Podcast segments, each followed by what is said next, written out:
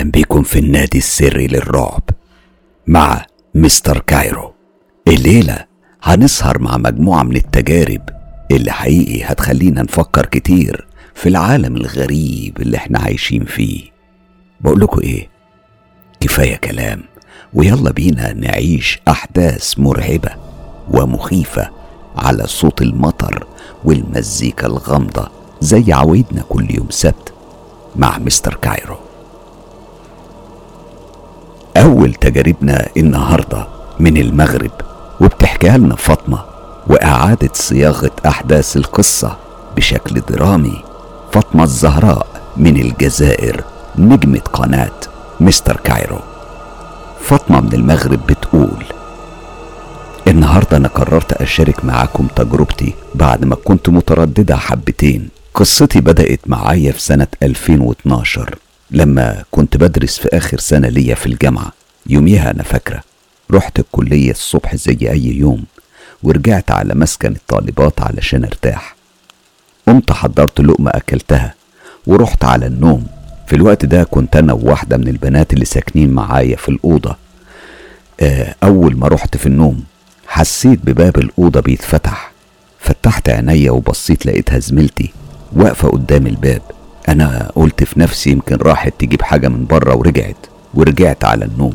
لكن أول ما غمضت عينيا سمعت صوت الباب بيتفتح تاني ولما بصيت عليه لقيته مقفول. أنا ما اديتش اهتمام كبير وغمضت عينيا مرة تانية ولحظتها بس حسيت بحاجة تقيلة اترمت على جسمي وبدأت تضغط على بطني بكل قوة كأنها عايزة تخترقني. أنا ابتديت أصرخ واستنجد بزميلتي لكنها ما كانتش سامعة صوتي. كان صوتي مخنوق وما كانش بيوصل لها. لكن من حسن الحظ وصل لها الصوت الأنين بتاعي. فندهت عليا كذا مرة وأنا كنت سامعاها ومش قادر أرد عليها. قامت وجت مسكتني من إيديا وفوقتني وهي بتنده عليا وبتهزني لحد ما قومتني وقمت. لكني لما قمت كنت مفزوعة على الآخر.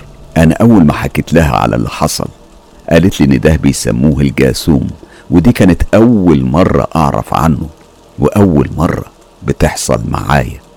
وللأسف الحالة دي فضلت ملازماني حتى بعد ما رجعت لبيتنا بعد ما خلصت دراسة. أنا كنت بعاني منه حرفيا ولما بصحى من النوم بلاقي نفسي مرهقة كأني كنت في حلبة مصارعة. كمان. المرعب إني بدأت أحس إن في حد نايم جنبي ولما بيوصل وقت معين بينط فوق بطني ويبتدي يضغط عليها بكل قوة. أنا مش قادرة أوصف كمية الألم اللي كنت بحس بيها. كانت رهيبة وما كانش عندي أي حل غير إني أقاوم الجاثوم بقراءة القرآن. تخيلوا أنا فضلت على الحال ده لسنين طويلة. لغاية ما في النهاية وآخر ما يأست من أي علاج قررت أروح لشيخ علشان يعالجني. عملت رقية لكن للأسف مفيش أي حاجة اتغيرت. حالتي بالعكس اتطورت للأسوأ خصوصا لما اشتغلت بالتدريس وأجرت شقة بسكن فيها أنا وواحدة زميلة ليا. أول سنة يمكن مرت بسلام أما السنة التانية والتالتة مرت عليا زي الكابوس. بحكم إن زميلتي يعني كانت بتغيب كتير لظروف خاصة بيها. كنت ببقى لوحدي في البيت معظم الوقت. أنا ما كنتش بحس بالخوف والرهبة. ببقى عايشة حياتي بشكل عادي وفجأة. ومن غير سابق إنذار بدأت ألاقي شعر جوه حوض الحمام. أنا لما حكيت لأهلي على اللي بيحصل ده قالوا لي إن أكيد ده شعر زميلتي. لكن لما عرفتهم إني لوحدي وإنها مش موجودة كلهم اتفاجئوا. ما كانش عندهم أي تفسير للي بيحصل خصوصا إني كنت بنضفه وأول ما أدخل الحمام ألاقيه رجع زي ما هو. هنا أنا رحت جبت والدتي وطلبت منها تيجي وتشوف بنفسها إيه اللي بيحصل. وهنا تأكدنا إنه حاجة مش عادية. أنا فاكرة في مرة صحيت بالليل علشان أدخل الحمام أعزكم الله. أول ما فتحت الباب جاتني ضربة قوية على بقي. من قوتها كانت كأنها نار بتلتهم وشي اللي بدأ يتورم وينتفخ. أنا خفت إني أنام وأصحى وبعد ما أصحى ألاقي بقي متغير. حطيت إيدي على وشي وبدأت أقرأ ما تيسر من القرآن والأدعية والأذكار لغاية ما رحت في النوم والحمد لله. لما صحيت شفت وشي في المراية. لقيته عادي وما فيهوش أي حاجة. في كمان مرة فاكرة في يوم صحيت حوالي الساعة 3 الفجر وأنا حاسة إن في حاجة طالعة من رجلي. أنا قمت شغلت النور علشان أتأكد وأشوف فيه إيه لكني برضه ما لقيتش أي حاجة. طفيت النور وشغلت النور الطرقة وسبته ورحت مددت على السرير. وأول ما غمضت عينيا حسيت بإيدين ماسكين ماسكني من ورا ظهري. أنا كنت بحاول إني أفك نفسي لكني ما قدرتش. بدأت أقرأ ما تيسر من القرآن الكريم وأنا بحاول أخلص نفسي من الحاجة دي. وأول ما فتحت عينيا وبصيت ورايا شفت إيدين شكلهم يخوف. الضوافر كانت طويلة قوي طويلة على غير العادة. دي مش ضوافر بشر كانت مقرفة. كان شكلها مقرف لكنه مرعب ومخيف. وقتها ما كانش عندي أي حل غير إني أكمل قراية لغاية ما شلت الإيدين دي عني وعرفت أخلص نفسي منهم. طبعا والطبيعي ما قدرتش أرجع على النوم ليلتها من قوة الصدمة ومن شدة الفزع والخوف اللي شفته. أنا فضلت طول الأسبوع مش قادر أنسى شكل الإيدين المرعب. قلت في نفسي أكيد أنا ملبوسة بالجن. في النهاية رحت عند شيخ رقاني تاني. لكن قال لي إني ما عنديش أي لبس وقال لي إني سليمة. وللأسف حالي ما اتغيرش. الموضوع ده فضل يتكرر معايا واتطور لدرجة إني بدأت أشوف الجن في أحلامي وهم بيحاولوا يدوني أكل بالعافية. أحيانا كانوا يكونوا واخدين شكل حد من معارفي. معرفش إزاي كنت بحس إن ده مش نفس الشخص اللي أنا أعرفه وإن ده جن. وأول ما بصحى كنت بقرأ القرآن الكريم لغاية ما أنا اتعذبت كتير قوي. اتعذبت بما فيه الكفاية. أنا يعني مش عارف أوصف لكم مشاعري. وكل اللحظات الصعبة اللي بعيشها.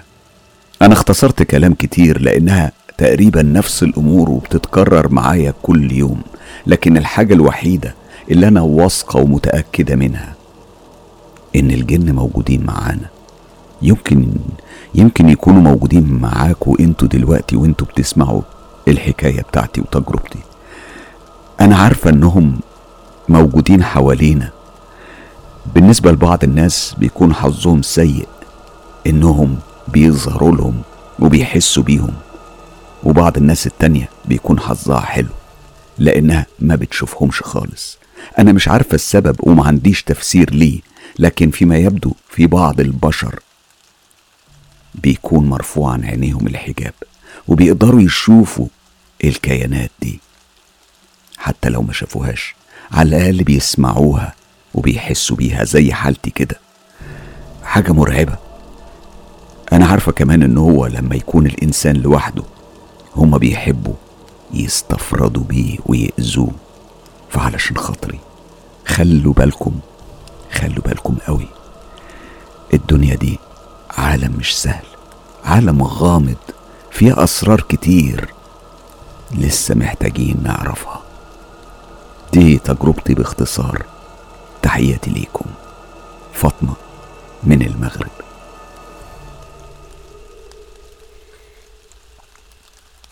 بشكر فاطمة على مشاركتنا بتفاصيل تجربتها الصعبة.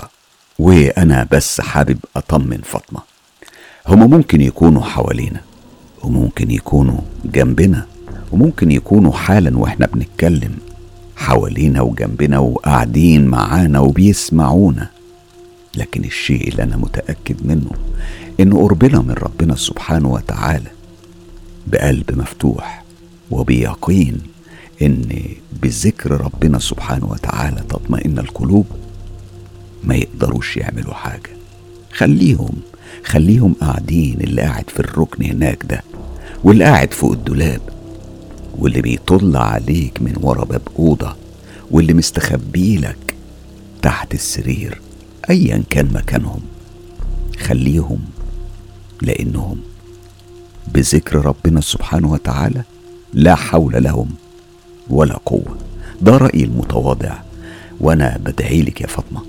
إن ربنا سبحانه وتعالى يعفو عنك ويبعد عنك كل ال...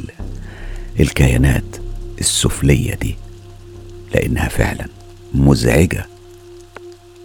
وأنا عارف قد إيه بتأثر على حياة الإنسان لما تكون موجودة فيه بالشكل اللي أنت عايشاه ده. بشكرك على مشاركتنا بقصتك. النهاردة السبت وزي ما إحنا متعودين كل يوم سبت بيكون عندنا الفقرة الثابتة وهي حكايات بسام وقبائل الجان.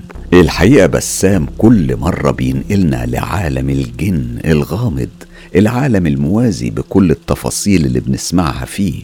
صادمة مخيفة لكنها مثيرة جدا للشغف. تحديدا الليلة زي ما قلت هتكون جرعة مزدوجة من بسام الخوري. بسام هيشاركنا بتجربة النهاردة. آه يمكن دي أول مرة هيشاركنا بيها تجربة آه غريبة وحابب إن أنا آه أحكيها لكم زي ما بسام بعتها حرفيا. والحقيقة حاسس إن أنا بفضل أبدأ بيها تجارب بسام النهارده. فهنسمع التجربة دي الأول ونرجع نستكمل مع بسام تجاربه المرعبة. وتجاربه في عالم الجن والعالم الموازي والتفاصيل اللي بيحكيها بعد زيارته هناك. نسمع مع بعض بسام وهو بيحكي لنا على تجربة غريبة جدا. أخويا وصديقي الغالي بيسعد أوقاتك. أنا حابب أكتب لك النهاردة تجربة مريت فيها وأنا في عمر 29 سنة لأن التجربة دي غريبة شوية. وممكن تكون سمعت حضرتك عنها بالطبع لكن أنا هكتبها لك بالتفاصيل اللي محدش يعرفها أو عاشها وكتب عنها في أي مكان تاني لأن التجربة دي من فترة شهر أو أكتر مش بتفارق خيالي. علشان كده أنا بعتذر من حضرتك ومن المتابعين المحترمين لأن النهاردة هكتب عن عالمنا وأشياء مرتبطة بطريقة أو بأخرى بعالم الجن والعوالم التانية المحيطة بينا. هقول لك على حاجة. أنا لما بكتب عن سيلفانا في تجاربي الأخيرة اللي حضرتك زعتها بحس كأني بنجذب للعالم ده بصورة لا تتخيلها وكأني هفقد صورتي البشرية من تاني. علشان كده حبيت أفصل شوية. سامحني. برجع دلوقتي للزمن ده اللي كان عندي فيه تسعة وعشرين سنة. في الوقت ده كنت أسست عمل خاص بيا. كنت فتحت محل وتقدر تسميه دكان. كان لحاجات مستوردة من الفلبين زي مأكولات من معلبات لخضار وأيضا أدوات تجميل من كريمات للبشرة وكل مستلزماتها. ما علينا. كنت جلبت فتاة من الجنسية الفلبينية طبعا علشان تتعامل مع الزباين. وبعد فترة أصبحت بفهم شوية لغتهم وأكيد ما بقدر أفهم كل كلمة ولا أتكلم زيهم. ولكن كنت بمشي حالي. بعد فترة من الزمن كونت علاقات معاهم وأصبح عندي معارف اللي بفتخر وأكن للشعب الفلبيني. بكامل التقدير والاحترام. وعلشان كده كانوا بيعزموني كانوا بيعزموني لحفلاتهم زي أعياد الميلاد حفلات الزواج إلى آخره. في مرة كان يوم حد جت كيتي. وعلى فكرة البنت كان اسمها كيتي. جت كيتي وسألتني إذا كان فيها تروح لمكان قريب مننا يعني عشر دقايق بالسيارة علشان هيصلوا ويتغدوا هناك. كانت بالشهر مرة بتطلب مني واسمح لها لكن المرة دي سيلفانا قالت لي بسام روح معاها هتكتشف وهتتعلم حاجات جديدة خلي أمها تقعد في المحل علشان الزباين. أنا بالفعل قلت لكيتي بصي أنا هروح معاك النهارده ممكن؟ هي قالت طبعا ده يشرفنا. أنا قلت لها خلاص كلمي أمك وخليها تقعد مكانك. وهنروح النهارده سوا. على فكرة أنا كنت بتكلم معاها باللغة الإنجليزية طبعا مش بلغتهم الأصلية وهي لغة بعنوان أو اسمها التغلوغ. ما علينا. هي خبرت أمها وانتظرناها ولما جت طلعنا بالسيارة وهي كانت بتدلني على الطريق. بعد عشر دقايق كنا قدام بيت كبير قديم قوي مبني من الحجارة. قدامه كان فيه مساحة كبيرة وجناين حواليه. البيت ده كان من طابق واحد. ركنت السيارة ونزلنا ومشينا ناحية البيت. خليني أوصفهولك البيت على جهة الشمال من الطريق. ولما بتمشي بالفسحة اللي كانت قدامه البيت بيصير على يمينك. والمدخل للبيت باتجاه الشرق. وبالخارج على شمالك في زي مكان طويل ممشى من الرخام وحنفية ولقدام شوية في حمام خارجي قدامه شجرة فواكه. أنا لسه فاكر التفاصيل وبشوفها قدامي كأني لسه في سن التسعة وعشرين. من بعد البيت الجناين محيطة بالمكان وحواليه والبيت مكون أول ما بتدخل من صالون كبير. وعلى يمينك تلات أوض وعلى شمالك مطبخ كبير وجنبه حمام. يعني المبنى كان قديم حتى الشبابيك ضخمة والسقف عالي. قبل ما كمل دول كانوا ساكنين في البيت ده وبيتقاسموا الإيجار. أنا طبعا بعتذر لطول المقدمة لكننا هنعوزها بعدين زي العادة. لازم تكونوا ملمين بكل التفاصيل اللي أنا شفتها وعشتها. في وسط الصالون في سرير ومفروش عليه شرشف أبيض وجنب منه على جهة الشمال في طاولة عليها شرشف أبيض كمان وعليها مبخرة وصينيتين وعلى كل صينية في طاسة مية كبيرة شوية فيها مية وجنبها كمية من القطن كل واحدة بحجم الجوزة. ومنشفة بيضاء ده في كل صينية والطاولة بعيدة شوية عن السرير يجي نص متر. بكده أكون خلصت لكم الوصف. يلا بينا نبلش. لما دخلت وتفحصت البيت حسيت بطاقة إيجابية. ارتحت نفسيا وانشغلت بالجماعة اللي موجودين وأغلبيتهم أعرفهم لأنهم زباين المحل. أنا شفت بنت من بينهم عمرها تقريبا 30 سنة.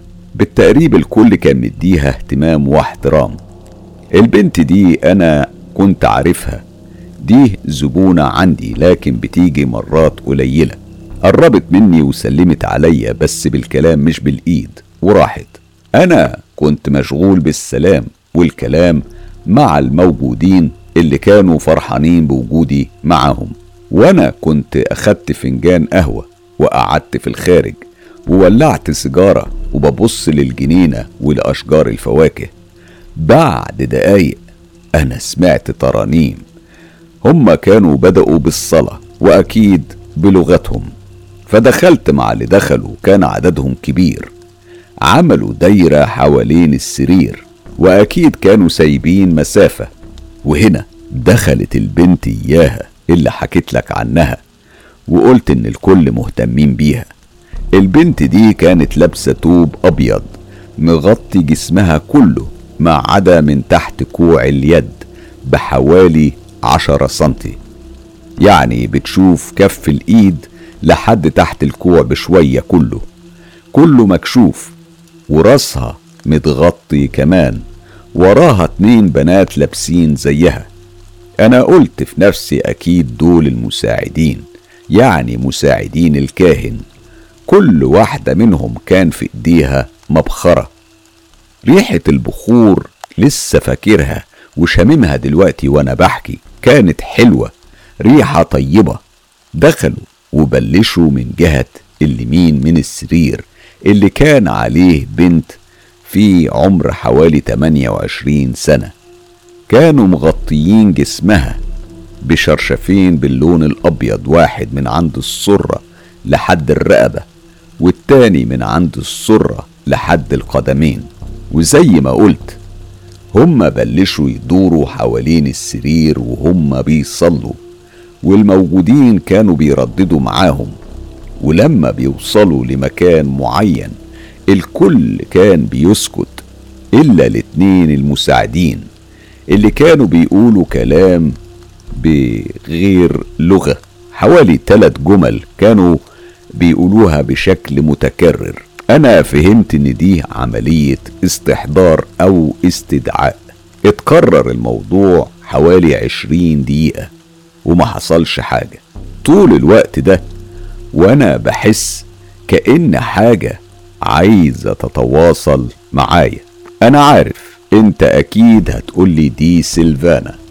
هقولك لأ لأن سيلفانا لو عاوزة بتيجي وحتى لو كنت في كنيسة أو جامع ما علينا. أنا كنت بطنش وأنا كنت واقف في الصف الأول بالقرب من الطاولة. يعني كل شيء كان باين قدامي. لما وصلوا مقابلين ليا يعني أنا السرير كان قدامي في الوسط وهم بالجهة المقابلة. وقفت الكاهنة. خلينا نسميها الكاهنة أفضل من البنت. لما وقفت الكاهنة بصت لي ورفعت إيديها اليمين وشاورت بصابعها ليا. ومن غير كلام لفت واحدة من المساعدين بتوعها وقربت مني وقالت لو سمحت وجودك بيعطلنا. ممكن تخرج أو تدي الإذن يعني. هنا أنا فهمت إن التواصل كان علشان الإذن. رفعت إيديا وضمتهم على بعض وقلت بعتذر منكم لك الإذن بالدخول. وقلت للمساعدة دلوقتي تقدروا تكملوا المشكلة اتحلت. أنا آسف بعتذر لكم. هي لفت ووقفت مكانها والكاهنة بحركة خفيفة حنت رأسها يعني مسامحاك. كملوا بالدعوات ومفيش دورة واحدة. شفت بطرف عيني راجل مسن محني الظهر أبيض البشرة ذو لحية بيضاء طويلة. كان لابس رداء أبيض ماشي ببطء شديد وكان في الجهة المقابلة ليا. ولما وصلت الكاهنة قريب منه وحسيت كأنها مش شايفاه. مش هي بس الكل ما كانش شايفه. إلا أنا. لما وصل كانوا كأنهم اندمجوا مع بعض. ده أقرب تشبيه ممكن أقوله. ولما اندمجوا بلش ظهرها بالانحناء وبشرتها يعني وشها التجاعيد بانت عليه. وبشرتها لونها أصبح أكتر بياضا. وإيديها كمان تجعدت ولونها أصبح أكتر بياضا. وقفت وقربت من البنت اللي متمددة على السرير. والمساعدتين واحدة وقفت على شمالها. أما التانية لفت وجت ناحية الطاولة اللي كانت جنبي. وضعت المبخرتين على الطاولة وشالت صينية ونولتها لزميلتها. والصينية التانية شالتها وقربت من السرير. يعني المشهد هيكون كالتالي. الكاهنة واقفة أمامي تماما مع واحدة من مساعدينها من جهة يمين المريضة والمساعدة التانية من الجهة التانية. أعتقد كده الصورة وضحت. خلينا هنا نقول الشيخ مش الكاهنة أو الطبيب. سميه زي ما حضرتك عاوز. شال إيديه اليمين وحط راس صوابعه في المية اللي في الطاسة ومسح على راس المريضة. وكل الوقت ده وراس الشيخ كان محني. ممكن تشوف أي حاجة غير إنك تشوف عينيه. من بعد ما مسح على جبينها زاح الشرشف من على بطنها باتجاه الصدر ولفه تحت قميصها ونفس الشيء من المعدة. زاح الشرشف لناحية البنطلون ووضعه تحت البنطلون. وبكده البطن كله كان باين قدامك. وهنا طلبوا المساعدين من الحضور ما يبصوش لإيدين الشيخ ولا للحاجات اللي هتطلع وإنهم لازم يغمضوا عينيهم. هنا أنا قلت بنفسي لا بقى أنا هبص وأشوف يمكن فيه لعبة بتتحضر. أنا فتحت عينيا وركزت قوي مع المشهد. وهنا شال الشيخ أو الطبيب المعالج إيديه وغمسهم بالطاسة ومسح على بطن المريضة. هنا عاوزك تركز كويس لأن على ما أعتقد أستأذن منك ساحرنا وليد. أعتقد هنحتاج حمادة هنا. يعني اللي فات كله حمادة واللي هتسمعوه دلوقتي واللي حصل قدام عينيا وشفته بكل تفاصيله. هو حمادة تاني خالص. بعد ما مسح على بطنها حط كف إيديه الشمال على مكان السرة. رفع الكف من جهة صابع الإبهام شوية وبإصبعه وبصباعه من الإيد اليمين قربه من بطنها. تحت كف إيديه الشمال أنا حسيت كأن صباعه كأنه تحول لمشرط. هو عمل خط من اليمين للشمال.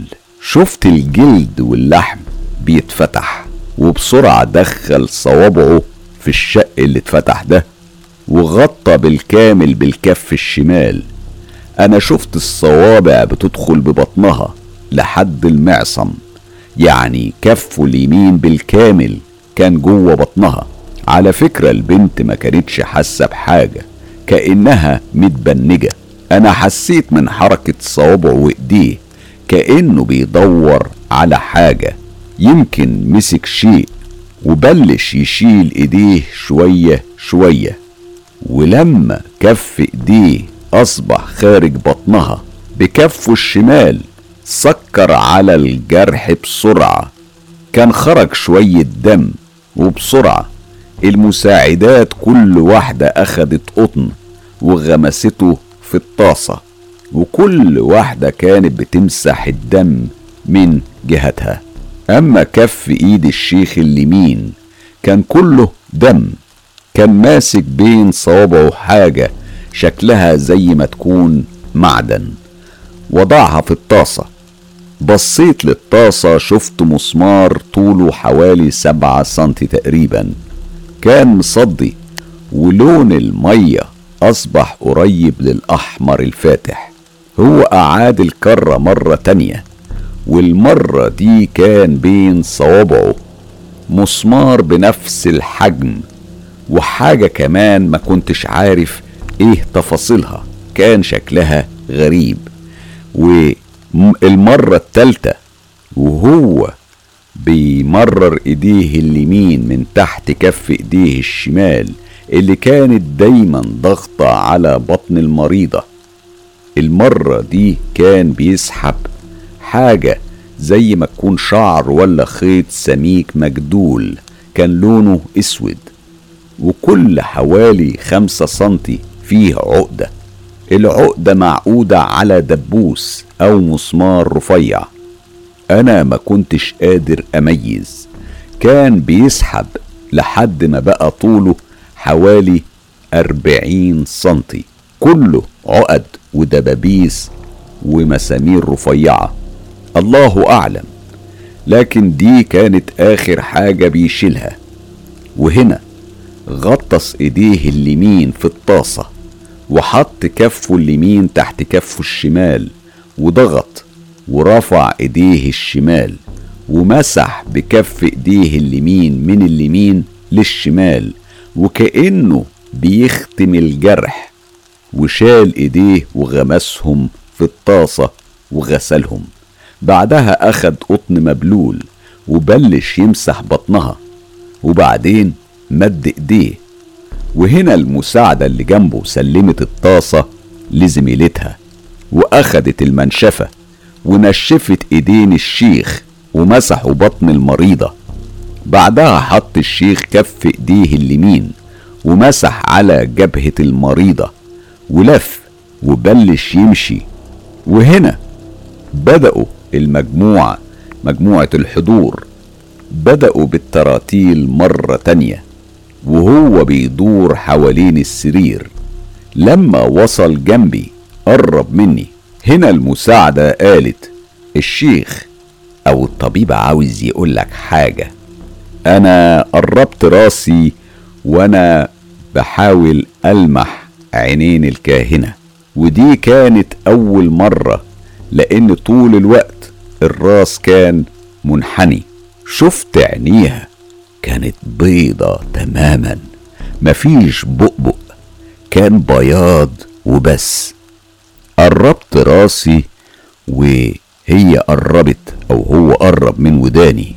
وهمس بصوت راجل عجوز وقال كلمتين لكنها كانت بلغة أول مرة بسمعها بما معناه وصل الرسالة للكاهنة ولف جسمه وكمل دورته بخطى بطيئة لحد ما شفت الطبيب واقف وراها وهي كملت مشيها وهنا رجع ظهرها عادي.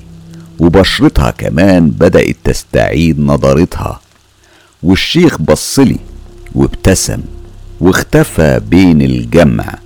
ولما الكاهنة كملت دورتها وصلت لحد عندي. بصت لي وابتسمت وقربت مني. قلت لها أنا عندي رسالة ليكي. قالت لي من مين؟ هنا عرفت إنها مش بتكون عارفة حاجة. علشان كده هو كان عاوزني أوصل لها الرسالة دي. قربت منها وهمست لها الكلمتين اللي قالهم لي. بصت لي والفرحة ملت وشها وقالت لي شكرا ليك. أنا قلت اللغة دي أول مرة أسمعها. ردت عليا دي لغة قديمة جدا إحنا بس بنفهمها. لأننا بنتوارثها من أجداد أجدادنا. شكرتني. ودخلت الغرفة هي والمساعدات بتوعها علشان يغيروا لبسهم ويحضروا الغدا. وأنا طلعت بره وأخدت قهوة وولعت سجارة وقعدت في الجنينة وهنا جت سيلفانا وقفت جنبي وقالت شفت؟ أنا ما تدخلتش. أنا سبتك تكتشف لوحدك. إيه رأيك بقى؟ معايا حق ولا لأ؟ أنا ياما قلت لك خليك متيقظ. ما تنساش أنت مين؟ ركز يا غالي. قلت لها معاكي حق. أنا دايما بقول خليني أعيش زي الكل ولو مرة لكن مفيش فايدة. بس خليني أقولك معاكي حق. لما أنتي طلبت مني آجي أنا فعلا اتعلمت حاجات جديدة ويمكن آجي مرة تانية. مين عارف هشوف إيه؟ ضحكت وقالت لي يلا أنا هروح وأسيبك تاكل وتنبسط وهشوفك بعدين. وهنا اقولك أنا كمان يا مستر كايرو أتمنى التجربة الفريدة دي تكون أضافت معلومة جديدة عند حضرتك وعند أصدقاء القناة. بسام. تجربة مثيرة مرعبة ومخيفة بكل التفاصيل الغامضة اللي فيها.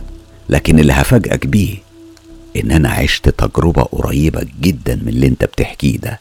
عشتها هنا في إنجلترا وتحديدا على جبل الجن. أنا حضرت التجربة دي سنة 1989 من سنين طويلة جدا. حضرتها بصحبة مجموعة من الأصدقاء. وكنا وقتها بنخوض. يعني مش عايز أحكي التفاصيل وأحرقها لأني هحكيها بالتفصيل الممل في يوميات مصري في مدينة الضباب. لكن حقيقي أنا عارف مدى شغفك باللي أنت شفته ومدى يعني انبهارك باللي شفته. وأنا معاك في الانبهار ده لأن أنا كمان كنت منبهر. اللي شفته واتكلمت عنه يمكن بشكل رمزي في آه، حلقات زامو سر هافا أكيد كان حاجة قريبة قوي من اللي سمعته هنا. وأكيد ده بيأكد لي زي ما دايما بقول إن كل الناس اللي ليها صلة بالعالم الموازي بيكونوا بيمروا بنفس التفاصيل لسبب بسيط جدا لأنهم بيزوروا نفس المكان فبالتالي بيشوفوا نفس التفاصيل. العيون بتختلف لكن التفاصيل واحدة. بشكرك جدا بسام. ودلوقتي وزي ما وعدتكم النهاردة جرعة مزدوجة من حكايات بسام وقبائل الجان. بعد التجربة الغريبة اللي حكاها لنا بسام تعالوا نرجع مع بسام ونفتكر أول قبلة أخدها من سيلفانا. واللي حصل بعدها. أنا كنت اتكلمت الأسبوع اللي فات على القبلة دي لكن دلوقتي هنحكي تفاصيل القبلة بالكامل واللي حصل بعدها لما راح بسام لعالم الجان العالم الموازي وتفاصيل الحوارات اللي دارت بينه وبين ملك الجن هناك. تفاصيل مثيرة جدا مرعبة ومخيفة. هتعيشوها حالا مع بسام. يلا بينا. بسام بيقول صديقي حسام قبل ما أكمل حابب أنوه لحاجة إن القبلة دي كانت أول قبلة بعالمنا ده وفي عالمي التاني. يعني تقدر تقول إن التجربة الأولى بالنسبة لي. هتقولي شاب في عمر الستاشر سنة ودي أول تجربة أقول لك أيوة. لأن في حياتي أنا ما كانش فيه وقت علشان أفكر في الحاجات دي. زي ما حضرتك عارف شاب عايش شخصيتين متناقضتين في عالمين مختلفين ومعلومات من هنا وهناك. هجيب الوقت للتفكير بالأمور دي منين؟ وهكون صريح معاك زي العادة. من وقت القبلة دي وأنا بدأت أفكر بالحاجات دي مش دايما يعني أعطيها شوية من وقت فراغي. ومن وقتها ولما سيلفانا كانت تجيني بحس بإحساس ما كنت بحسه قبل كده. كنت بسرعة بسيطر على أحاسيسي ومشاعري وأرجع لطبيعتي علشان سيلفانا ما تحسش بيا. يعني كنت بستحي كل ما الأفكار والأحاسيس بتجيني ومش هكذب عليك هي كانت عارفة وبتحسسني بالعكس علشان ما تحركش قدامها. دلوقتي نرجع من جديد لموضوعنا الأساسي. من بعد الاجتماع الأخير وكشف كل الأوراق وكل شيء أصبح مكشوف وأكيد مش كل حاجة دايما لازم يكون في أسرار وحاجات بتوصلني بالتدريج وده لمصلحتي.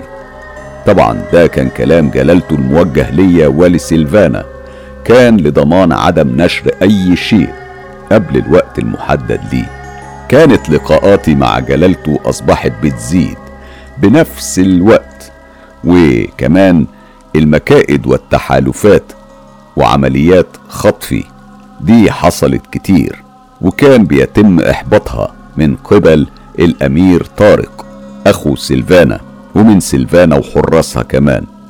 على فكرة على سيرة حراس سيلفانا هحكي لك ليه لما كنت بروح مع سيلفانا آه وأهلي يعني وبالأخص إخواتي ما كانوش بيحسوا بغيابي. هقول لك لما كنا في غرفة سيلفانا وقالت لي إنها بتوعدني مش هيكون في أسرار بينا بعد كده. فاكر؟ لما اتمددنا وبعد فترة قمنا. أنا قلت سيلفانا يلا رجعيني أمي هتكون قلقانة عليا وإخواتي كمان. هي بصت لي وقالت لي بسام أنا وعدتك مفيش أسرار بيناتنا مش كده؟ فأنا هقولك على حاجة ما كنتش تعرفها. وفي نفس الوقت عاوزاك توعدني. ما تنفعلش ولا تاخد موقف مني. أرجوك اسمعني للنهاية. سيلفانا بصي أي حاجة بعيدة عن عيلتي أنا بوعدك إن ردة فعلي هتكون تحت السيطرة. سكتت شوية وقالت لي إيه رأيك نروح نتمشى في الجنينة عند البحيرة؟ ونحكي هناك. قلت إيه؟ قلت لها الموضوع باين عليه صعب. ما علينا. أنا حبيت المكان ده. وعارف إنه هيساعدني أتقبل اللي هتقوليه. يلا نقوم نتمشى. رحنا للجنينة وزي العادة خلعت حذائي وتمشينا على العشب لعند البحيرة. ولما وصلنا اتمددت على العشب ومددت جنبها وحطيت إيديا ورا راسي وهي اتمددت جنبي. وأنا ببص للفضاء الواسع وبسمع صوت المية. هي قالت بص أنا كل مرة كنت بجيبك فيها وخصوصا بالليل. كنت بسيب حارسي الأمين الشخصي يتواجد مكانك لحد ما نرجع. أو يعني حاجة كده يعني عشان ما حدش يحس. أنا قطعتها وقعدت قلت لها أنت بتقولي إيه؟ هي ردت وقالت أرجوك اسمعني للآخر وما تنساش إن أنت وعدتني. أنا ظبطت قعدتي وقلت كملي. أنا بخاف على عيلتك زيك تمام وعلشان ما أسرش الشكوك لعدم وجودك في سريرك كان لازم أعمل كده.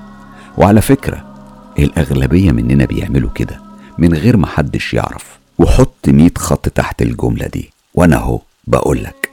والحارس ده أنت بتعرفه كويس. ده هو على استعداد إنه يفدي بنفسه عند الحاجة لإخلاصه يعني للمهمة الموكل بيها. وهو بس بينام على السرير. ما بيعملش أي حاجة تانية. فأنا عايزك ما تخافش. سيلفانا البيت فيه إخواتي البنات وممكن قطعتني سيلفانا وقالت بسام ده أنا أفصل راسه عن جسمه بمجرد التفكير في أي احتمال من الاحتمالات اللي أنت بتفكر فيهم. زي ما هما مهمين عندك. هما مهمين عندي أنا كمان لأنك أنت مهم عندي.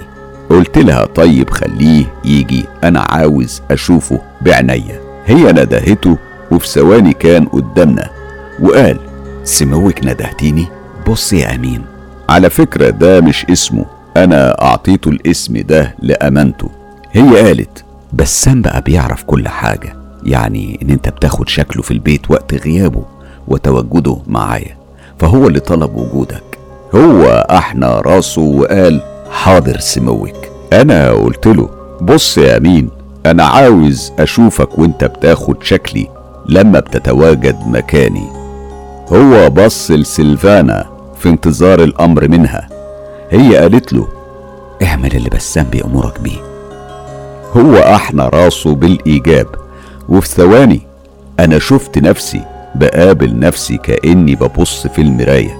أنا وقفت ودققت النظر فيه وأنا بتفحصه.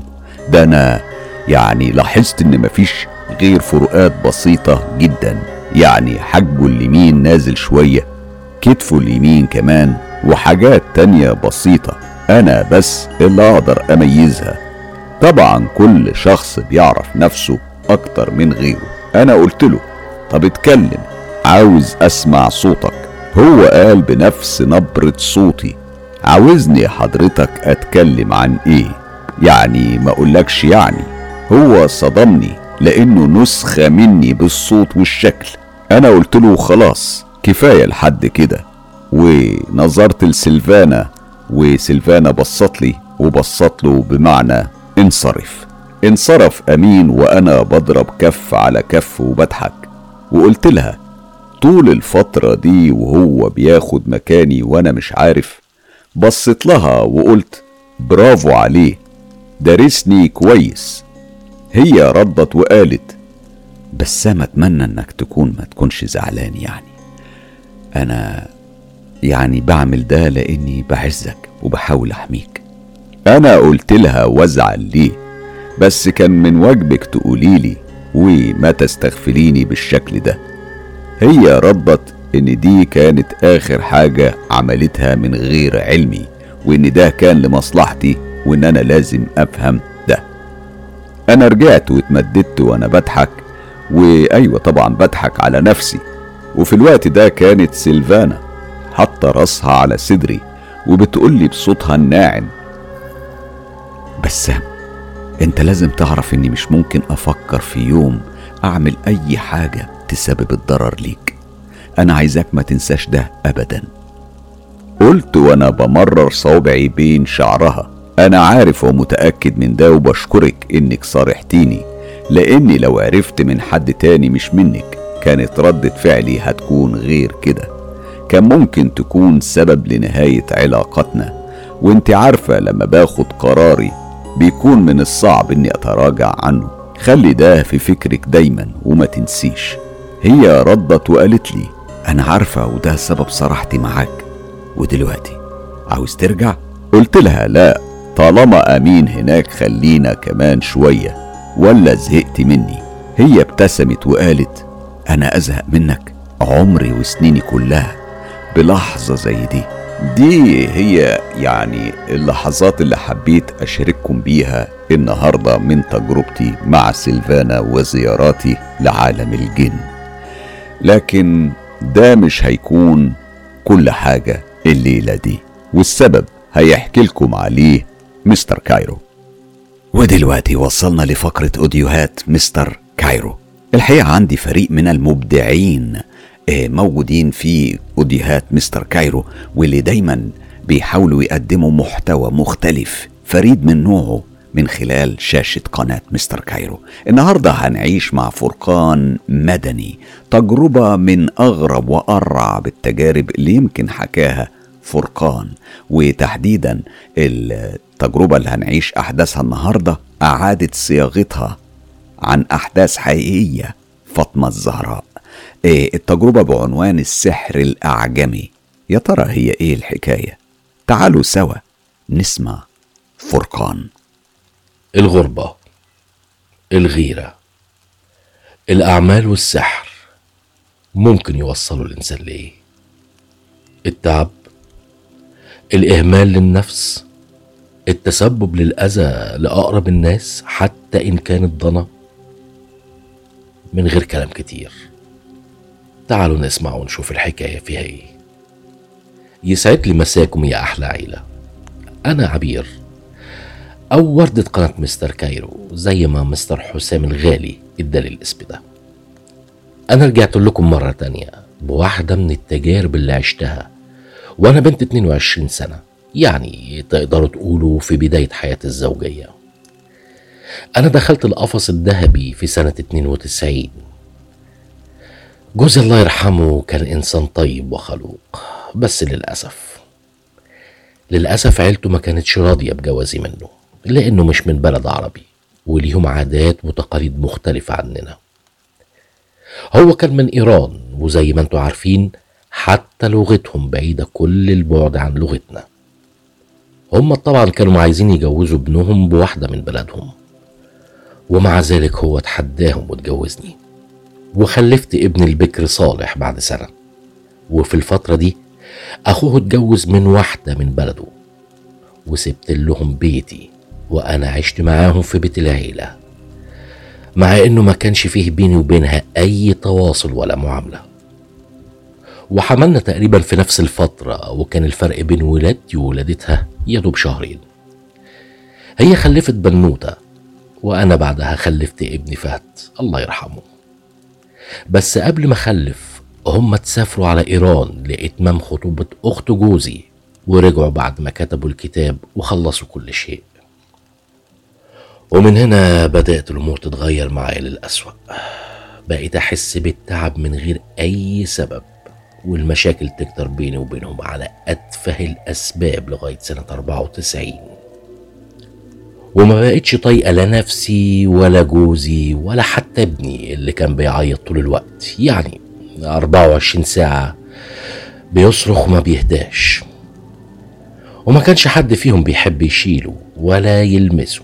ودايما أسمع تعليقاتهم السلبية على إنه وحش ومش حلو وإنهم بيخافوا منه.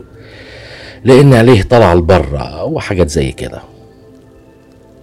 ده غير إن سلفتي كانت جايبة أول حفيدة بنت في العيلة وده كان واخد كل اهتمامهم ونسيني.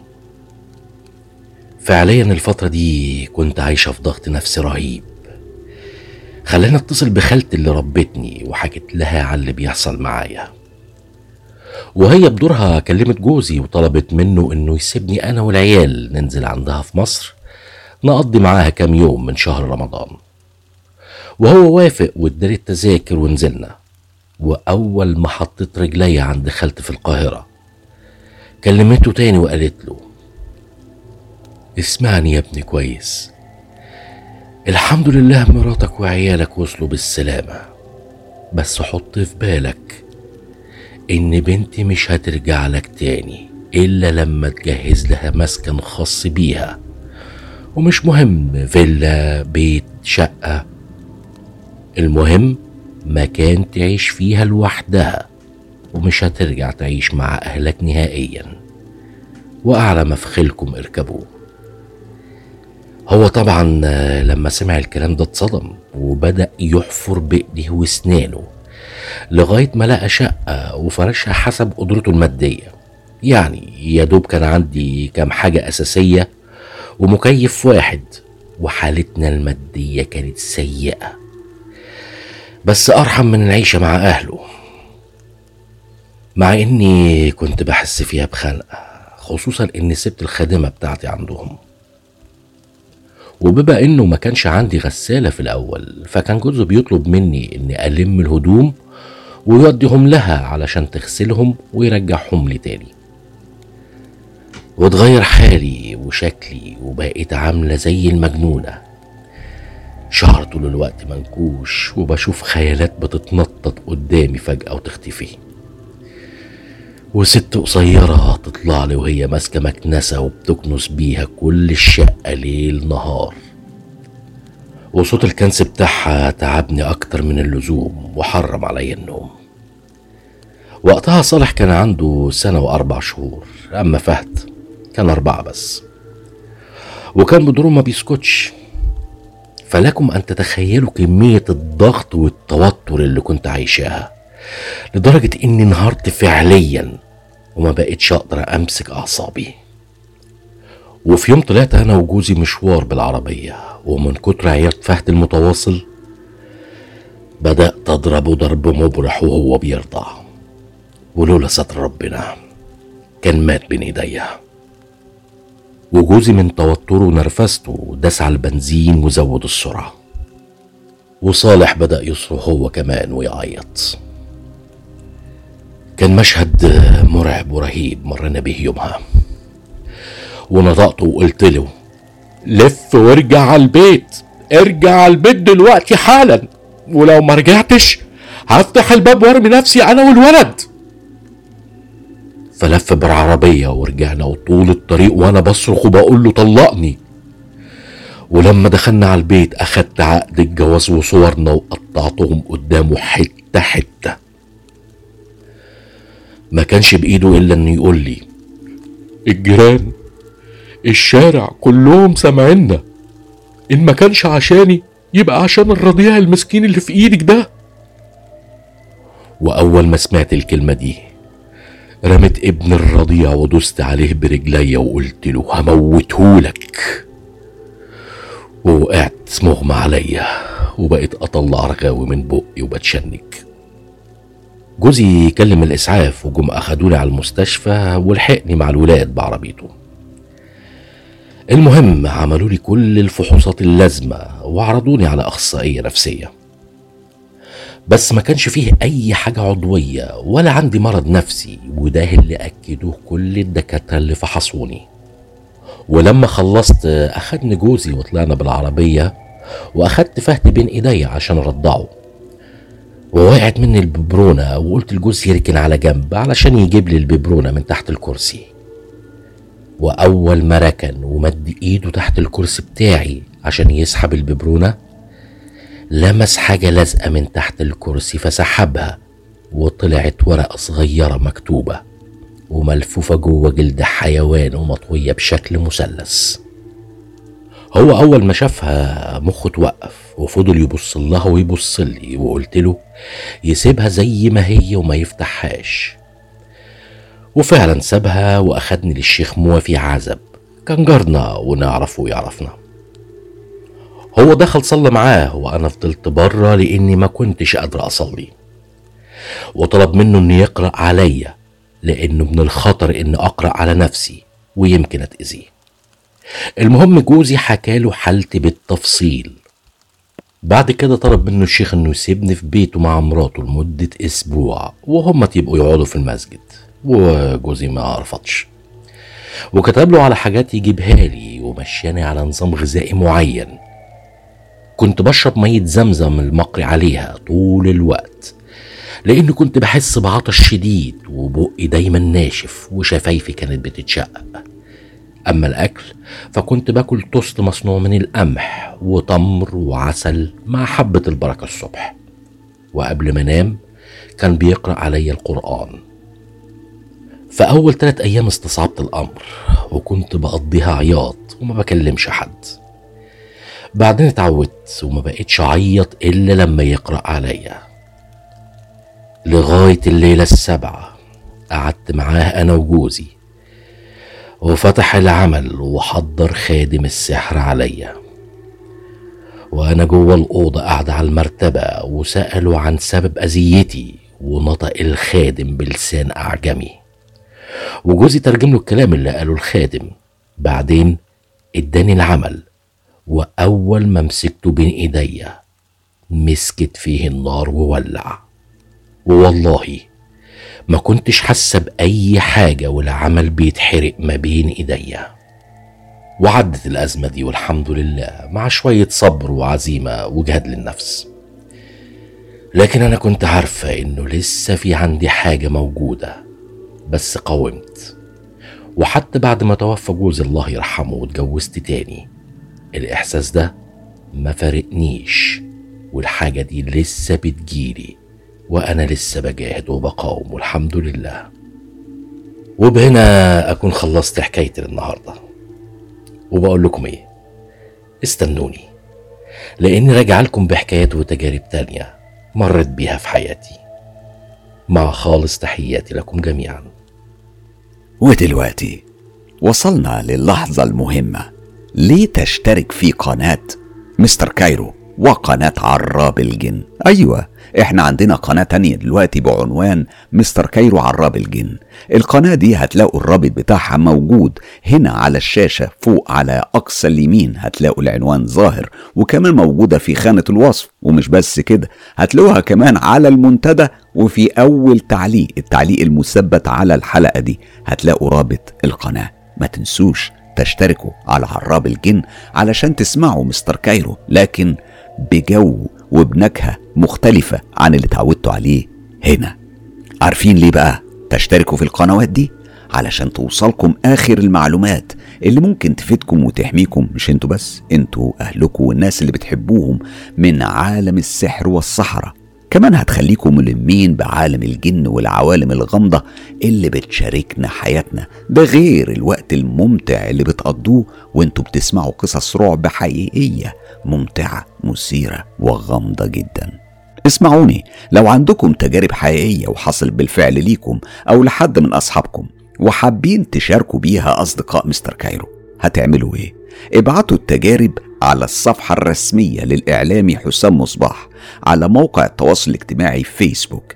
كمان ممكن تبعتوا التجارب وده أسلم وأسرع عن طريق تطبيق تليجرام كل الرابط دي برضه هتلاقوها موجودة في خانة الوصف. طب واللي بيحب الحصريات يعمل إيه؟